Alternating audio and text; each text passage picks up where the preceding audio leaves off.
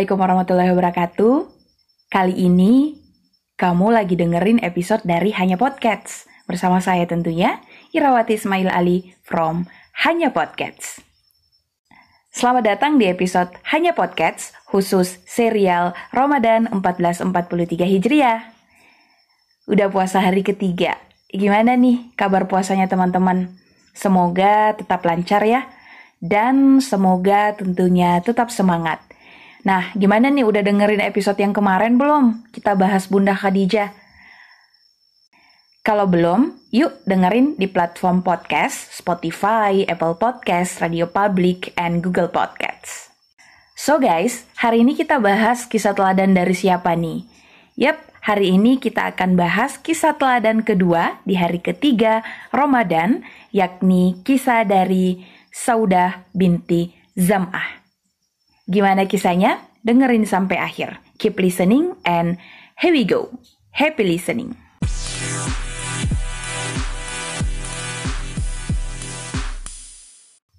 Saudah binti Zam'ah. Beliau memiliki nama lengkap Zaudah binti Zam'ah Ibnu Ghazis Ibnu Abdul Syam Al-Quraisyiyah Al-Miriyah. Ibu dari Saudah ibu dari Sauda bernama Shumus binti Qais ibnu Amr ibnu Zaid. Sauda merupakan perempuan pertama yang dinikahi Rasulullah Shallallahu Alaihi Wasallam setelah wafatnya Khadijah. Beliau masuk Islam sejak awal dakwah Islamiyah. Sebelum menikah dengan Rasulullah Shallallahu Alaihi Wasallam, Sauda pernah menikah dengan Sakran ibnu Amr Sauda bersama suaminya juga termasuk orang-orang yang awal masuk Islam dan turut berhijrah ke Habasyah. Suami Sauda wafat ketika keduanya menyertai Rasulullah Shallallahu Alaihi Wasallam kembali ke Makkah. Sepeninggal suaminya, Sauda hidup seorang diri. Ayah dan kakak laki-lakinya, Abdullah ibnu Zam'ah, masih bertahan dalam kekafiran mereka.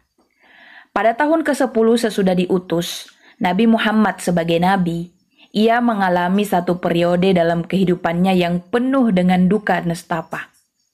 Hingga disebut Am al-Huzni atau tahun duka cita. Para sahabat kemudian ingin sekali meringankan dampak kesedihan yang menimpa Rasulullah Shallallahu Alaihi Wasallam. Mereka berupaya menghibur beliau yang hidup sendirian tanpa istri.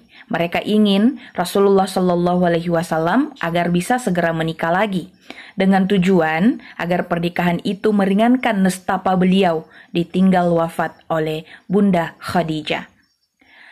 Salah seorang sahabia bernama Haulah binti Hakim memberanikan diri menawarkan calon istri kepada Rasulullah Shallallahu Alaihi Wasallam. Haula kemudian menawarkan Rasulullah untuk menikah kembali. Lalu ia memberikan pilihan kepada Rasulullah. Jika beliau menghendaki gadis, maka pilihan yang tepat adalah Aisyah. Sedangkan jika ia menghendaki janda, maka pilihan yang tepat adalah Saudah. Disampaikan dalam sebuah riwayat bahwa ketika Khadijah wafat, maka Khawla binti Hakim ibnu Augas, istri dari Usman ibnu Mas'un, ketika berada di Mekah berkata, Wahai Rasulullah, mengapa engkau tidak menikah lagi? Rasulullah kemudian bertanya, menikah dengan siapa? Khawla bertanya, engkau ingin menikah dengan gadis atau janda? Rasulullah Shallallahu Alaihi Wasallam bersabda, kalau gadis siapa? Khawla menjawab, putri orang yang paling engkau cintai, yaitu Aisyah binti Abu Bakar. Lalu Rasulullah Shallallahu Alaihi Wasallam kemudian kembali bertanya, kalau janda siapa? Khawla menjawab, Saudah binti Zam'ah. Dia beriman kepadamu dan mengikutimu pada seluruh perintah dan ajaranmu. Rasulullah bersabda, baik, pergilah dan pinangkan kedua perempuan itu untukku. Lalu Haula berangkat untuk menemui Saudah dan bapaknya. Haula berkata, Betapa indahnya Allah memasukkan kebaikan dan berkah ke dalam keluarga kalian. Sauda kemudian bertanya, apa itu? Haula menjawab, sesungguhnya Rasulullah Shallallahu Alaihi Wasallam menyuruhku meminang engkau untuk beliau. Lalu Sauda menjawab, tentu saya akan menerimanya. Temuilah ayahku, sampaikanlah pinangan Rasulullah dan persetujuanku itu kepada beliau. Lalu Bapak Sauda ini adalah seorang yang sudah sangat tua, yang berdagang menunggu datangnya jamaah haji di Makkah. Maka aku mengucapkan salam sebagaimana ucapan salam orang jahiliyah. Kepadanya, Khawla mengatakan, Betapa indah pagi ini. Dia bertanya, siapa engkau? Lalu Khawla menjawab, iya, saya Khawla. Dia mengucapkan selamat datang dan menyambutku. Lalu dia mengungkapkan apakah yang ingin ia ungkapkan. Kemudian Sauda berkata, sesungguhnya Muhammad ibnu Abdullah ibnu Abdul Muttalib meminang putrimu. Zam'ah, ayah dari Sauda kemudian berkata, dia adalah lelaki yang perwira dan mulia. Lalu apa jawaban putriku? Haula menjawab, putrimu menerimanya dengan senang hati. Zam'ah berkata, beritahukan kepada dia agar datang ke sini. Rasulullah pun datang ke rumah Sauda binti Zam'ah, lalu beliau menikah. Sauda berumah tangga dengan Rasulullah Shallallahu Alaihi Wasallam di Makkah pada bulan Ramadan, tepatnya 10 tahun sejak diangkat menjadi nabi atau tiga tahun sebelum hijrah. Ketika itu Sauda ber, Ketika itu, Sauda berusia 55 tahun dan memiliki enam orang anak, sedangkan Rasulullah berusia 50 tahun.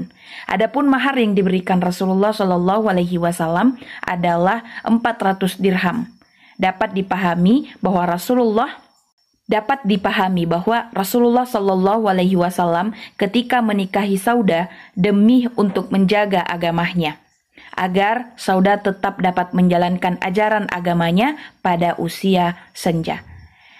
Di samping tua usianya, Sauda juga perempuan yang tua hatinya, cerdas, memahami din, bertakwa, dan soliha ia mampu mengisi kekosongan Rasulullah Shallallahu Alaihi Wasallam setelah wafatnya Khadijah dengan kasih sayang, kelembutan, nasihat, dan tentunya dukungan yang luar biasa.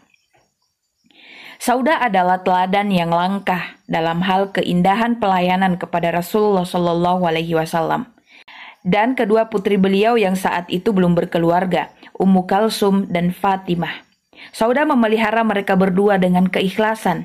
Sauda hidup berumah tangga dengan Rasulullah tanpa kehadiran istri Rasulullah Shallallahu Alaihi Wasallam yang lain selama tiga tahun.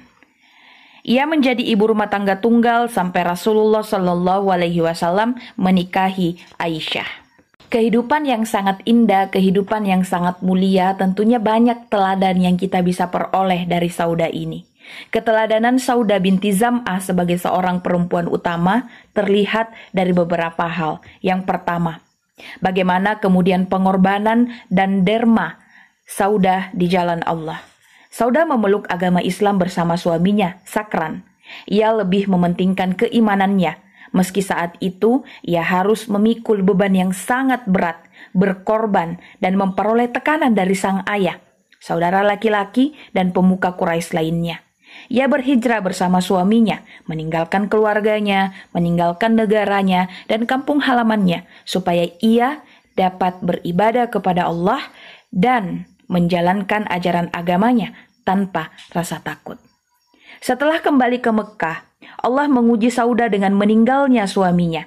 Ia pun menjadi janda tanpa penolong, namun ia tetap teguh memegang agamanya, bersabar, dan mengharap pahala sampai Rasulullah menikahinya.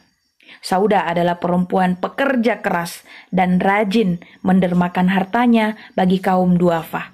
Ia tidak berminat mengumpulkan harta duniawi, kepingan emas dan dirham, ia gunakan semuanya, uang dan hartanya sebagai simpanan di sisi Allah. Dan ia menyadari bahwa semua itu tidak ada harganya pada hari akhir, di mana harta, dan anak-anak tidak lagi berguna. Keteladanan yang kedua adalah Sauda merupakan sosok muslimah yang selalu mendahulukan orang lain. Sauda sangat menyadari kondisinya yang tidak lagi mudah dan mengetahui bahwa Rasulullah Shallallahu Alaihi Wasallam menikahinya karena belas kasihan beliau kepadanya.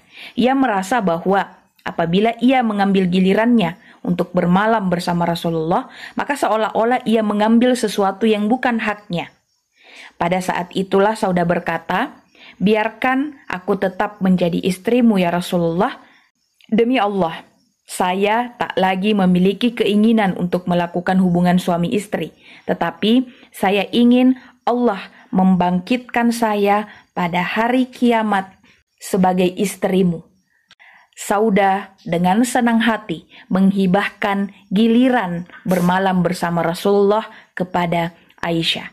Ia ingin mendapatkan keridoan Rasulullah dengan hibahnya itu. Keteladanan yang ketiga, Sauda selalu menciptakan canda dan kebahagiaan dalam rumah tangganya. Interaksi Sauda dengan Rasulullah dan para istri lainnya sangat amat baik. Sauda merupakan istri beliau yang paling sering bercanda dengan Rasulullah. Salah satu candaan Sauda yaitu ia bertutur kepada Rasulullah, "Wahai Rasulullah, saya menjadi makmum sholatmu tadi malam, lalu engkau ruku dan saya pun mengikutimu ruku sampai saya memegang hidungku karena khawatir akan meneteskan darah. Rasulullah pun tertawa. Teladan yang keempat adalah Sauda selalu bersemangat dalam menjalankan perintah Allah dan Rasulnya. Sauda selalu berusaha untuk mendapatkan keridhaan Allah dengan memperbanyak amal ibadah, serta berupaya untuk memperoleh keridhaan Rasulullah. Salah satu buktinya adalah ketika Rasulullah Shallallahu Alaihi Wasallam mengizinkan untuk berangkat terlebih dahulu dari Musdalifah sebelum berangkat ke rumah manusia dan berdesak-desakannya mereka. Aisyah sampai merasa iri kepadanya karena kedudukan yang tinggi itu. Lalu Aisyah berkomentar bahwa aku meminta izin kepada Rasulullah sebagaimana sauda. Itu lebih kusukai daripada kegembiraanku menyertai beliau. Hal ini menunjukkan kesungguhan Sauda untuk bersegera mengejar ibadah, sekaligus menunjukkan kasih sayangnya kepada Rasulullah.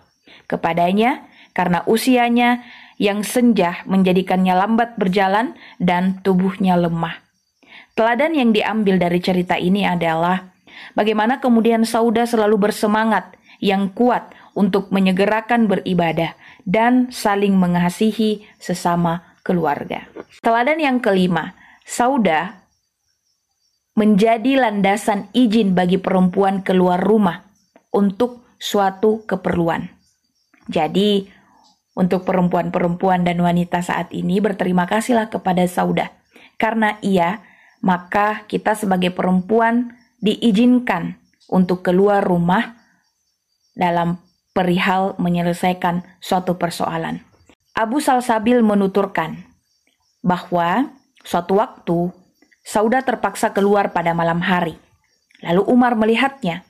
Umar mengetahui bahwa yang ia lihat adalah Sauda. Lalu ia berkata, Lalu Umar berkata, Demi Allah, sungguh engkau adalah Sauda.